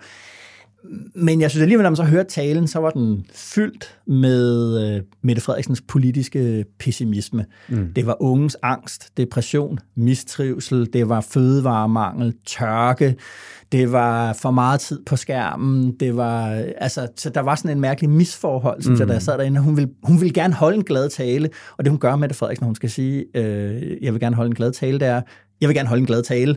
Men hun, hendes, hun, hun har simpelthen svært ved ligesom at indfri det på indholdssiden øh, i det. Altså den der okay. tendens til ja, pessimisme og, og, og sortsyn. Hvordan hører man så det? Jamen det er jo netop, når hun står og taler om, om mistrivsel, og at man er ængstelig, og man er ensom, ja, okay. og øh, ja. øh, at selvom hun sagde det der med kloden, der var så vidunderligt, så var det jo stadigvæk en, en klimaforandringsramt okay. klode, hun, mm hun, hun taler om simpelthen, altså du ved, hendes budskab til de unge, det var jo heller ikke ligesom gå ud og, og, og, og, og gøre, hvad I har lyst til, og handle som, altså indfri jeres potentiale, det skal vi voksne slet ikke. Men vi har enormt øh, tiltro til jer. Det hun sagde, det var, vi, altså i hendes generation, hende den, og, og regeringen, det skal passe meget bedre på jer. Mm. Altså, du, du sad jo og lyttede til det meste af det, ja. øh, og Erik Holstein lyttede til, til, til de timer, hvor du ikke var der. Jeg, ja. jeg fik ikke hørt særlig meget, fordi jeg lavede andre ting den dag. Mm-hmm. Jeg har læst den artikel, I har lavet, hvor I begge to så analyserer jeg igennem den der afslutningsdebat. Mm-hmm. En mhm. rigtig god artikel, synes jeg. Lad os lige lægge den i show notes. Den jo. giver faktisk uh, utrolig godt overblik over den debat. Men prøv lige at fortælle mig, ud over det med Mette Frederiksen, der, der forlod krisen, hvad, hvad, hvad var så det, du mest uh, bed mærke i i den debat? Det, jeg mest bed bemærke i, Jacob, det er, at altså, øh, nummer et, uden den der krisefortælling, som jo er det, der har kittet den der SVM-regering sammen. Man skal bare tage mm. den første side af regeringsgrundlaget, ja. de mange kriser, som ikke bare ligesom er hver for sig, man griber ind i hinanden. Ja. Og sådan. Det er en væk. Når det er væk, så bliver de ideologiske forskelle mellem partierne større, og i hvert fald meget mere synlige. Ja, okay. Og også til et punkt, hvor jeg efterhånden synes, at det ikke rigtig hænger sammen øh, mere. Mm-hmm. Og det synes jeg blev særligt tydeligt, da, da Moderaternes øh, Monika Rubin gik på, på talerstolen. Jeg, jeg var faktisk lige klemt med. Prøv lige at høre her. Det vi kunne gøre, var at sørge for, at dem, der har en tæt tilkobling til arbejdsmarkedet, de i lidt højere grad lagde lidt mere til side i løbet af et langt arbejdsliv. Og dem, der ikke har råd, får en hjælpende hånd af staten. Det handler om lighed, fordi alle fortjener en ordentlig behandling. Også dem, der ikke har direkte dankortadgang til en fed friværdi. Ja, Jacob, her der gentog uh, Monika Rubin, partiformand Lars Løkke Rasmussens uh, visionstanker mm. for et mhm. par uger siden om egenbetaling af ældreplejen i en eller anden yes. privat opsparingsmodel af arbejdsmarkedspensionerne. Ja. Og som vi også var inde på. Det er tanker, som statsminister Mette Frederiksen afviste i sidste uge. Det var ikke regeringspolitik, hun fremhævede i stedet for, at man havde investeret den der akutpakke i, ja. i sundhedsvæsenet. Øh, det, der skete i i, i weekenden op til her, altså sidste weekend, det var, at justitsminister Peter Hummelgaard gik også ud i avisen Danmark, hvor Lykke havde været i første omgang, og afviste øh, Lykkes, øh, ikke bare forslaget, ja. men også den analyse, som, som Monika Rubin også gentog, altså at der ikke vil være råd til, til, til den samme, til den måde, vi har velfærd på i, i ja. dag i fremtiden. Det afviste han. Og det, jeg synes, der skete her, det var, øh, at øh, Rubin gjorde det tydeligt, at de store ideologiske skæld i dansk politik, de går ikke primært mellem regering og opposition, som vi er vant til. De går internt i regeringen. De går internt i regeringen ja. mellem, og det synes jeg også er vigtigt, mellem Lars Løkke øh, og, og Moderaterne og, og Mette Frederiksen og Socialdemokratiet. Og det, ja.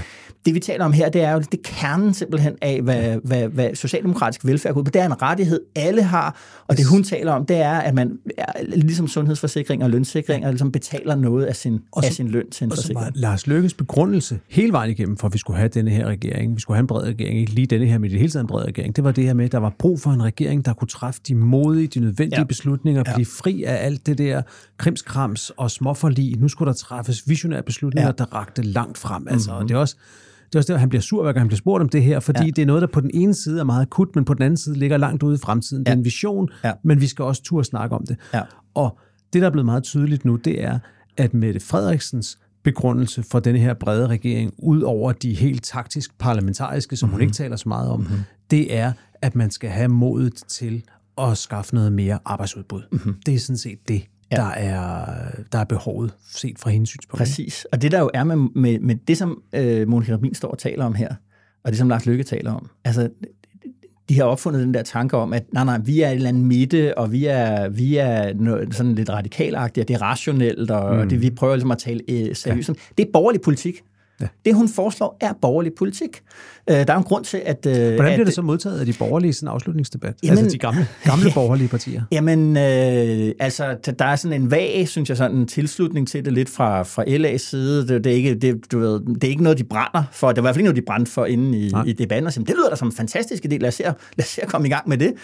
Og Venstres uh, Morten Dalin, han var jo også oppe at holde uh, en tale. Han, han talte efter Mette Frederiksen, politisk ordfører for, mm. For Venstre. Han, uh, han blev også konfronteret med, jamen, hvad, hvad synes I? Altså, er I enige i den her analyse? Er det Lykke, eller ja. er det Mette? Hvor står I hen? Og han endte jo bare med at, at træde vandet og ikke rigtig... Uh, og ikke rigtig have et svar øh, på det der. Og det er, jo, det er jo noget andet, der er bemærkelsesværdigt. Det er, at moderaterne via Lars Lykke har de borgerlige svar, som, som det, altså det burde være Venstres politik, det her. Det burde også være det, Venstre øh, hvad det hedder, sagde, og det var også det, de sagde engang, da Lykke var der. Ikke? Så det på en eller anden måde så udstillede det også ligesom, at okay, den ideologiske frontlinje mellem øh, det borgerlige og det socialdemokratiske, den er intern i regeringen, Øh, men det er ikke Venstre, der deltager i den. Her har man ikke rigtig nogen svar på, øh, hvad man synes om, om, om sådan noget. Og det, det er altså en anden ting, vi har snakket om før, det er det her tilbagevendende spørgsmål. Hvem er den borgerlige leder egentlig lige ja. nu? Og der kan man vil sige, at lige nu er det vel ubetinget Lars Løkke, der er den borgerlige leder. Jamen, han vil bare ikke være ved begrebet. Nej. Altså, det er, fordi jeg synes, der er, der er et element af sådan noget røgslør, eller ja. forvirring over det. For hvis du så kigger ud på den borgerlige blok, så, så, så, så, kan du sige, okay, du har to succesfulde ledere. Alex Vanopslagh, Øh, han øh, havde den liberale ravekniv fremme og talte om byråkratisering og med udgangspunkt i sundhedsvæsenet, og nu skulle der være mere selveje og mere privat øh, derude. Ikke? Okay. Øh, og så er der Inger Støjberg, som gik knaldhammerne hårdt til udlændingedagsordenen, genåbnede, hvad det hedder, klima, klimaspørgsmål, fordi der kommer CO2-afgift til, til landbruget. Til, til efteråret, til landbruget, ikke? Ja. varmet op til det. Og det, det, der også var interessant, det er at sige, der, der var også der er to meget forskellige udgaver af, hvad det vil sige, hvad, hvad det borgerlige, en kamp om den borgerlige identitet. Ikke fordi, at Inger Støjberg og, og, og Fandomslag var i struen på hinanden. De talte ikke til øh, med øh, hinanden overhovedet. De talte i hver deres øh, verdens, verdenshjørne. Ikke? Så altså, vi har, vi har tre borgerlige fløje nu i virkeligheden. Vi har ja. Morten Messerschmidt, der er vred på Twitter. Vi mm. har Inger Støjberg, der er ved at blive sådan en lille smule klimaskeptiker. Ja, ja, ja meget. Og ja. vi har Alex Vanopslag, der er på vej over en minimal, minimalstats ja. øh, retorik. Ja, det er... Ja, og, det, det, og det, det spiller jo ind, så kan man godt forstå, altså alle dele har jo på en eller anden måde øh, indløb i Venstre, mm. og de, de ved ikke, hvilken en de skal vælge, og derfor ved man ikke, hvad man skal, skal svare. Men omvendt så belyser det jo sådan set også det, der har, er Venstres grundanalyser, som Morten Dalin gentog i sådan et endnu et, endnu et defensorat for at være gået i regering. Det var jo ligesom, jamen altså, I kan godt se, der er alt for langt øh, mellem, øh, mellem, mellem ja, ja. de andre. Ikke? Nå, men en ting, jeg også lige ville spørge dig om, som sad og lyttede til meget af det, som, som jeg undrede mig over, også det, jeg havde læst jeres analyser, det var, hvor var Søren Pape hen? Ja, Søren Pape kørte en meget stille og roligt. Han åbnede armene til, øh, til Venstre og kom, kom nu hjem. Okay. Altså, okay. Men det havde jo også, jeg synes, det der var med, med, med Pape, det synes jeg, der har været lige siden valget, det er altså en leder, en partileder, uden øh, momentum og uden... Øh, altså, han søger tilbage til gamle tale, for du ved, kritiserer han Arne eller et, okay. et eller andet. Ikke? Okay. Der, I det hele taget, så sidder man jo og spørger sig selv, hvad er det egentlig, de konservative skal her nu? Mm. Øh, hvad, hvad, og hvad skal Pape nu? Han runder jo den der 10-årsgrænse, som vi også har talt om flere gange. Er det virkelig ham, der skal føre partiet ind i, ind i, en, ind i en ny tid? Øh, det, og det bliver man ikke øh, hverken klogere eller, eller, eller andet på der. Okay. Ikke? Men så var der noget andet, Jacob, som okay. jeg synes, jeg skal bemærke, og som jeg egentlig var lidt ked af, at vi ikke fik nævnt fra, fra, fra, fra debatten, men det er også fordi, det på en eller anden måde lidt overraskende for mig. Jeg ved ikke helt, hvordan man skal nødvendigvis skal forstå dem, det er jo, altså det er 50 år siden, at aborten blev givet fri. Og abort er altså igen blevet noget, man taler ja. om inde i Folketingssalen. Ja. Og, der, og det er ikke bare, at, man, at alle ligesom siger, at det er også en, en hævdvunden rettighed, og det skal vi bakke op om. Der er uenighed om dansk abort. Og øh, det, der er, det var jo også noget, Inger Støjberg tog på sig. Øh, en del af regeringen har jo foreslået, at, man, at, at kvinder ned til 15 år skal kunne få foretaget en abort, uden at have deres forældres samtykke. Yes. Og det der, det blev en kampplads i afslutningsdebatten, og bemærkelsesværdigt nok er Inger Støjberg imod det. Mm-hmm. Øh, hvilket jeg tror kommer sådan lidt bag på Socialdemokraterne, der, fordi deres argument er at sige, prøv at høre, dem der kommer til at bruge det, grund til, at vi blandt andet har gjort det her, en vigtig grund til det, det er, at det kvinder med anden etnisk baggrund kan, kan, kan, kan få fortsat abort, uden at deres forældre skal ind og bestemme, om, om de er for det eller ej. Jeg kunne, altså, Nej til barnebruget, men de skal lige spørge deres forældre om lov, før de får abort. Det var blandt andet Janne Jørgensens ja. øh, kritik af, ja. af, af Inger Støjberg, men, men det er jo også fordi, man sidder og tænker, jamen i en, i en ikke så fjern fortid, kunne det forslag med den begrundelse jo være kommet lige ud af munden på Inger Støjberg. Helt klart. Og det synes jeg, og, og hvordan skal man så forstå det? Mit eget take på det, Jacob, det er jo, at øh, Inger Støjberg, øh, også i forhold til, hvorfor hun øh, klimaskeptiker slår meget på, på udlændingepolitik, mm. Der er en kamp om Jylland under opsejling, ja. som hun har med, med, med især med Venstre. Øh, og så kommer der jo i tillæg, det har vi jo også haft skrevet øh, om her på, på Altinget, kristendemokraterne har jo neddroslet og nedtonet og sådan råbt det meget højt, og det gør vi nu, alt der handler om abort. Og i det, i, i det vestjyske, der, der har det, kristendemokraterne været så tæt på at få et kredsmandat øh, derovre øh, i de sidste par valg, men, men lige akkurat ikke nået det. Og det her med, at kristendemokraterne ligesom har sagt, at vi, vi mener ikke det, vi mente i gamle dage, alt det grund til, at vi mm. kom ind i politik, mm. det har vi ligesom opgivet, vi har ja. et andet syn på. Ja. Det frigør jo nogle øh, stemmer over øh, ja, i, i det, i det vestjyske. Og det er dem, hun sigter efter. Jeg, jeg havde ja. svært ved ikke at se, at... Øh, at det også i hvert fald, altså så det, er, det er jo en tese, er et, et, øh, noget, hun, noget, hun øh, prøver her. Men det er bare bemærkelsesværdigt, øh, at vi 50 år efter har lidt, lidt har importeret, synes jeg, igen en mm. amerikansk Spændende. debat om abort, og det, det er vi jo, altså det er en værdipolitisk kampplads, vi ja. slet ikke er, jeg, altså, jeg havde egentlig, jeg havde simpelthen ikke troet, at nej, man, at man nej, kunne nej, åbne præcis. døren til det. Mm. Nå, der var mange spændende ting. Vi kunne også snakke lidt, men lad os, lad os gemme det til, til en af de kommende uger. Jeg synes, det var sjovt med de radikale, der ligesom rebrandede sig selv som de unges parti, ja. og på, som jeg ser det, sådan lidt gik ind og gik i, gik i ny konkurrence måske med Alternativet om at være mm. det unge parti og Klimapartiet par excellence. Ja, ja, og det ja. er jo bare, altså helt, vi har jo talt om før, generationskampen, altså ja. i, i, i Dan, altså har været en uudtalt konflikt øh, i, i, i Danmark, og den kan man se, at, at øh, de radikale meget gerne vil ind og være bannerfører. Så, så partierne rundt om regeringen, hvis, hvis oppositionerne ikke er helt klart defineret, så begynder partierne så småt måske at rette kanonerne ind mod de segmenter, du ja. siger Støjberg mod mm-hmm. jøderne, de radikale mm-hmm. går efter mm-hmm. de unge. De begynder mm-hmm. at definere nu, hvem er det, der skal bære vores næste, ja. vores næste valgkamp. Ja. Så var der noget med, så var der noget med slik. Ja, det, altså, det, øh, det, det var en ting. Det bliver jeg bare nødt til at sige. Øh, jeg tweetede også ud om det. Det, jeg lagde mærke til, men der, hvor, jeg, hvor vi sidder der i presselogen, øh, der sidder man tæt på, øh, på, på det, der hedder grebningen, altså yderkanten af Folketingssalen. Og der kunne jeg så ligesom se, hov, øh, Socialdemokratiet, de havde en, sådan en, ja, jeg ved ikke, om det var en 10 liter spand. Det er en stor spand fyldt med slik, som ligesom øh, var, til, var til socialdemokratiske folketingsmedlemmer.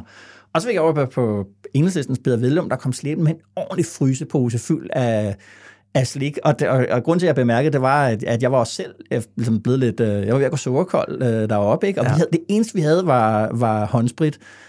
Og så, og så viste det sig så, det da jeg tog det der ud af alle... sygt dårligt, når man sidder der og hører en debat. Ja, det, det er kun noget, man bruger til lige at vågne op af. Ikke? Nå, men, men, men, Nå, men så viste det sig jo så, at, at uh, Mette Appelgaard simpelthen har købt slik til hele Folketinget. Nå. Og lavet slikposer til helt, altså til og det, alle. Og, og det var så der, hvor Ole Birk Olsen skrev, at det er, det er Disney-show-generationen, der er kommet i Folketinget. Det var meget sjovt sagt. Ja, det var sjovt. Ja, uh, den, skal han, uh, den skal han have. Men det er, altså, det er sådan blevet... På en eller anden tidspunkt bliver vi jo nødt til at sætte os ned og skrive en artikel om politik og mad. Altså, hvordan, du ved, fra, fra du ved, skal der være frikadeller i, i vuggestuerne, til ja. halalkød, til hvad man bruger maden. Så det der med at dele slik ud, det er jo hyggeligt, og så, så, så det der, politikerne vil også gerne vise, at de hygger sig, og man kan også bruge slikken til at vise, at du ved, øh, det er ikke sådan, at, at, at partiskillene er hårde, og konflikten er ikke hårdere, når vi også mm. kan dele en, en ja, pose slik. Ja.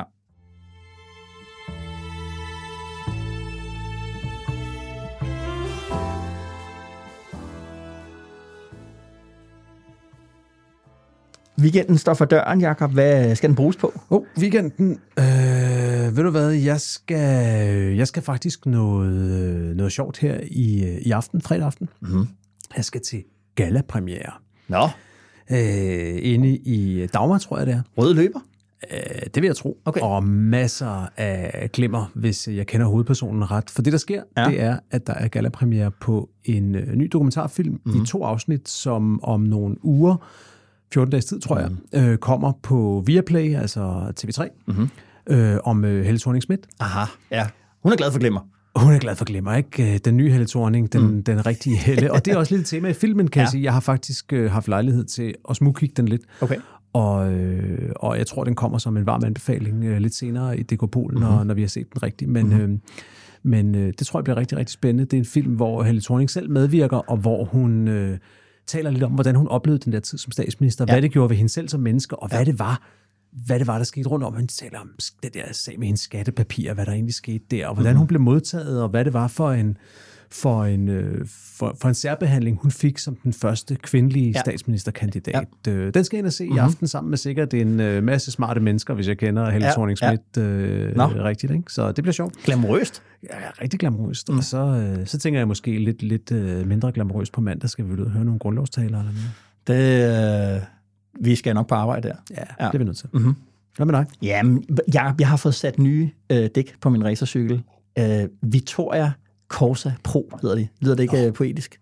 Med, med lyse sider. Så jeg skal okay. Ud og køre... Du skal ud og blære dig med de nye ja, dæk? jeg skal ud og se godt ud. Øh, en masse kilometer i solen skal jeg. Ja, ej, det lyder også godt. Mm. Men der var noget andet, jeg tænkte på, Jacob. Mm. Det trækker op til folkemøde. Åh oh, ja, det er rigtigt. Ja. Kommer du? Kommer jeg til folkemødet? Står, står solen op i øst? Øhm, jo, det gør ja. jeg selvfølgelig Ja. øh, som, som hvert år. Hvad med dig egentlig? Kommer du med i år? Jamen, det gør jeg nemlig. Det er jeg glad for, Ja. ja. fordi øh, jeg har faktisk en øh, jeg har faktisk en ting, du lige skal skrive i kalenderen. Jo. Fredag. Fredag. Den, nu skal jeg lige se, 16. juni tror jeg det er. Ja. Klokken 19, mm-hmm. der Mhm. havde jeg tænkt, at vi kunne øh, optage Dekopol øh, live i Allinge. Wow. Det ville være fedt. Kunne det ikke være sjovt? Jo, vi gjorde det jo øh, sidste år, så jeg, ja. altså, jeg går ud fra, at det er med publikum og Yes. yes. salademad og alt det der. Det er det nemlig, jeg har oppet lidt fra sidste år. Sidste år gjorde vi det jo øh, sådan midt på gaden nærmest, Ja. ja. kan man sige. Det var Jo. hyggeligt. Der Mm. mm. var nogle øh, rigtig søde, dedikerede Dekopol-lyttere. Ja. Ja. I år Ja. øh, har vi bragt op på en scene, det der lige ude foran Grønbæks Hotel nede i det centrale Allinge. Mhm. Og så har vi lagt det der fredag kl. 19, og så giver vi nemlig lige en, en fyraftensøl, mens ja. med eller uden alkohol, efter ja. hvad man ønsker. Ja. Og så, øh, så optager vi noget øh, Bornholmsk Dekopol. Det bliver sjovt. Ja, det bliver fedt. Okay, men anbefalinger, jeg der går noget tid, før det bliver folkemøde. Hvad skal lytterne. Ja, ja, det er bruge om weekenden på, mens du er til øh, fest med Helle Thorning og Eliten? Jeg har, jeg ved godt, jeg har sagt det nogle gange på sidste, i, i den her uge, jeg har en kanon anbefaling. Du er altid så meget selvtillid med dine anbefalinger. det er fedt. Overhovedet ikke. Jeg synes tit, de er lidt, uh, lidt spøjse. Men i den her uge er den god. Ja. Inden jeg kommer dertil, Jo. så vil jeg godt spørge om lov Ja. hos redaktøren mm-hmm. til, om jeg, må, om jeg må anmelde din anbefaling fra sidste uge. Jamen, det må du gerne. Okay. Du anbefalede en podcast med øh, den udmærkede David Runciman, som Ja. jo er fremragende. Ja. Han har en relativt ny podcast ude, der hedder Past, Present, Future. Ja. Det var den, du anbefalede. Og du anbefalede så specifikt en episode, Ja. der handler om tv-serien Dallas, Ja. som vagte mange minder, for jeg, som jeg også ville fortælle sidste uge, har været på den der ranch, og jeg så den jo selv som barn, Ja, og ja, ja, ja. alt det der. Og den satte jeg mig ned og hørte, og helt ærligt, Esben, Ja. jeg synes, det var, jeg synes, det var en elendig episode. Hvorfor?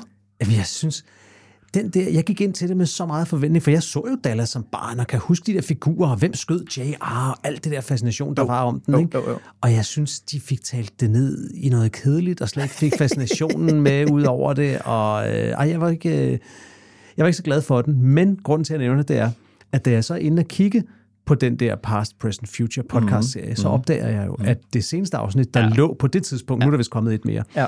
men det var jo et afsnit, der hed Can Machines Really Think? Ja. Med en af mine nye idoler, nemlig mm. AI-eksperten Gary Marcus. Som, du jeg har synes er anbefalet her man har anbefalet Ja. flere gange. Jeg Ja. synes, han er en af de klogeste Ja. debattører i den der meget ophedede debat, der foregår især i USA om Mhm. kunstig intelligens. Altså, det er jo virkelig, virkelig en vild debat, der foregår derovre om det lige nu. Og Gary Marcus er en af dem, der ligesom prøver, synes jeg, at på den ene side er han bekymret og har alle mulige bekymringer, og især meget kritik af den måde, som, som tech-selskaberne administrerer mm-hmm. kunstig intelligens på, men samtidig er han en af dem, der prøver at hælde en lille smule koldt vand på og sige, hey, de kan faktisk ikke tænke, de her maskiner, mm-hmm. og det kommer de heller ikke til, mm-hmm. fordi at det kræver noget andet. De har ikke bevidstheden om, at de skal dø, som øh, er det, der kendetegner mennesker mm-hmm. og dyr, mm-hmm. og som øh, betinger rigtig meget af det, vi gør. Rigtig mm-hmm. meget af det, vi gør, Ja. det er overlevelse. Ja. Og det adskiller øh, maskiner og mennesker. Jeg, det, det var til gengæld et kanonafsnit, synes Ja. jeg. Så jeg vil godt takke for din anbefaling. jeg twistede den lidt, så blev den god. Ja, ja, ja okay. Nå, og, fedt. øh, Nå, men min anbefaling denne her uge, Ja. det er mere podcast. Okay. Og jeg vil godt lige, øh, jeg vil godt lige spille noget for dig. Mm. Jeg vil godt lige spille det, det første minut cirka ja. af den øh, podcast, jeg anbefaler. Det kommer her. Mm-hmm. Why do you like Harry Potter? I don't know. I think like I had not such a great childhood, and I think a kid with not such a great childhood actually escaped to something else in a book. It's a story about acceptance and love. Harry Potter has been kind of like a beacon of hope in a lot of times in my life. Teaches you know the importance of friendships, the importance of forgiveness. He felt like an outsider and he felt like he didn't belong and it really that really resonated with me. The way people pull together, they're they're different. They don't all exactly agree with one another, but they can say, okay, this is the common good and this is what we're going to work for.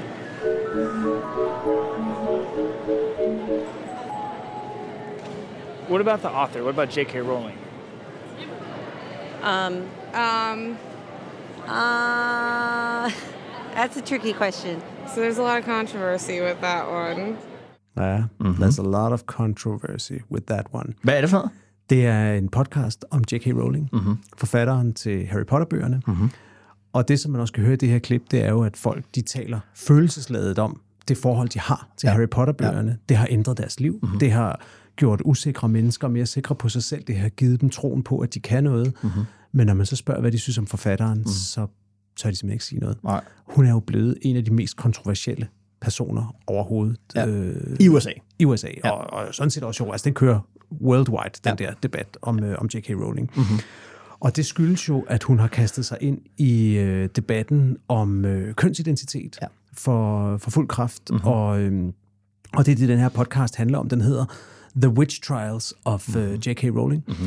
Og den er lavet af en person, som i sig selv er spændende. Det er en, øh, nu er hun så podcast, øh, journalist. Hun hedder Megan Phelps Roper. Mm-hmm. Og hun har en sjov baggrund, fordi hun er vokset op i det ekstrem kristen, ekstreme kristne organisation, der hedder The Westboro Baptist Church, som Aha. er kendt for i USA at møde op til for eksempel begravelser af dræbte soldater, mm. for at stå og chikanere deltagerne ved begravelsen, for ikke at være, ikke at være Guds tro og sådan nogle ting. Aha. De er, de er helt, helt ekstreme. Ja. Og der er hun vokset op i, og hun har været en af dem, der har stået og råbt af mennesker, og stået og, da op. og, og demonstreret. Mhm. Og på et tidspunkt i sit voksenliv, opdager hun simpelthen, at, øh, at hun er helt gal på den, Mhm. mm. og, øh, og bliver, ligesom, øh, bliver ligesom mere moderat. Og nu har hun gjort det til sin, øh, til sin mission, at prøve at føre en mere, øh, en mere hvad skal man sige, empatisk dialog, i stedet mm-hmm. for bare at missionere. Okay. Og hun har så lavet den her podcast øh, med J.K. Rowling, hvor hun prøver at dykke ned i, hvad var det egentlig, der skete med hende? Og det, det fascinerende ved den historie, det er jo, at man kommer helt tilbage og hører, hvordan J.K. Rowling jo i starten i, øhm, i 90'erne og 0'erne var et kæmpe hadobjekt for det kristne højrefløj i USA. Fordi at øh, de jo mente, at øh, Harry Potter-bøgerne med alt deres øh, magi og Ah, heksekunst og alt ja, det der, ja, ja. det var noget okkult, det var nærmest satanisme, Mhm, mm-hmm, og mm-hmm. altså, det var lige før hun fik skylden for nogle skoleskyderier, der fandt sted og sådan noget, fordi hun var med til at fordreje børnene væk fra den sande tro. Aha. De prøvede at cancel hende, altså de prøvede at få forbudt hendes bøger, hun blev fjernet fra mange biblioteker. Mhm. Og så skete der så det for, øh, for, for, for et års tid siden eller to, Ja. at hun øh, pludselig kastede sig ind i, øh, i debatten om kønsidentitet med Ja. en enkelt tweet. Og øh, vi kan lige prøve at høre et lille bitte klip mere. Okay. Would you be willing to read the tweet that you wrote that day? Yeah. I tweeted Dress however you please, call yourself whatever you like, sleep with any consenting adult who'll have you, live your best life in peace and security, but force women out of their jobs for stating that sex is real. Hashtag I stand with Maya. Hashtag this is not a drill. Ja, ja. det er det tweet, hun sender. Og, ja, Som afsted kom al den øh, kontrovers, der er om hende. Hun blev simpelthen et kæmpe hadobjekt for det, man med en meget bred betegnelse skal kalde woke-miljøet, ikke? Mhm, Også som okay. mente, at hun øh, var transfobisk, mm-hmm. og at hun underkendte transpersoners øh, øh, behov for anerkendelse. Ja. Og det går den der øh, podcast på en meget, meget interessant måde ned i, at høre begge sider i debatten, og øh, jeg synes virkelig, man får et godt indblik i, i den debat, og, mm-hmm. og jeg synes også, at, øh, at det er meget interessant at høre J.K. Rowlings argument, som, som helt på kort form er, at øh, hun har al respekt for folk, der har øh, anderledes kønsidentitet og kan definere sig selv, som de vil, som der også står i det tweet, som hun Ja. lige øh, læste op her. Men hun er meget bange for det her med, at hvis man bare kan blive kvinde ved at sige, at man er kvinde, mm. så er ingen længere kvinder. Mm-hmm. Og hun ser derfor noget af den kønsidentitetsdebat, der er lige nu, som en øh, fortsættelse af, hvad skal man sige, øh, en kamp for at undertrykke mm-hmm. kvinder. Mm-hmm. Fordi at hvis de ikke findes, så har de jo heller ikke nogen forhistorie, heller ingen rettigheder, heller ingen problemer. Mm-hmm. Interessant. Ja, det er super interessant. Nå. Det er en virkelig god podcast, varmt anbefalet. Okay, og den hedder? Den hedder The Witch Trials of J.K. Rowling, altså heksejagten mod J.K. Uh, J.K. Rowling. Mm-hmm. Vi Mhm. lægger den i, uh, i show notes, ja. og uh, så er der fem gode afsnit til, til Grundlovsweekenden. Nå, fedt. Mm. Hvad, hvad har du med til os? Jamen, øh, jeg har noget læsestof med, en artikel fra Foreign Affairs, mm. det amerikanske øh, udenrigs- og sikkerhedspolitiske tidsskrift. Mm-hmm. Og den samler op på en debat, øh, der eksploderede der, hele den der debat, der eksploderede efter, at Macron tog hjem fra Kina og gav Ja. de der interviews. Vi har også talt rigtig meget om Ja, dem øh, her i, i, i, i DK Pol. Øh, fordi sagen er, at det ikke er alle amerikanere, der, der synes, øh, at, øh, at Macron sagde noget dumt. Mm-hmm. Og det her, det er en analyse fra, fra dem. Der er en, en, det er en, en hel perlerække af, af, af forfattere, der står bag. Men øh, artiklen argumenterer for, at det også er i USA's interesse, at EU opbygger det, Macron kalder strategisk autonomi, altså Ja. også på, på, på forsvarsområdet. Og grundlæggende er argumentet det, at det amerikanske fokus på Kina på lang sigt kun er lade sig gørligt, hvis øh, europæerne ligesom tager sig af deres egen sikkerhed og tager sig af den trussel mod deres egen sikkerhed, som kommer fra, fra, fra Rusland. Ikke?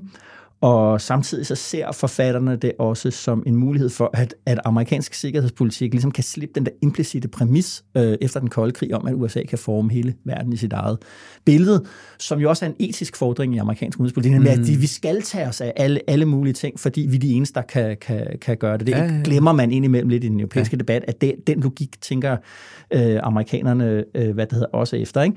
Men de ser altså for sig, at, at et allieret, men selvstændigt EU vil være den rigtige konsekvens øh, at drage af det, der man siger, det unipolære verdensbillede eller verdensorden. Mm.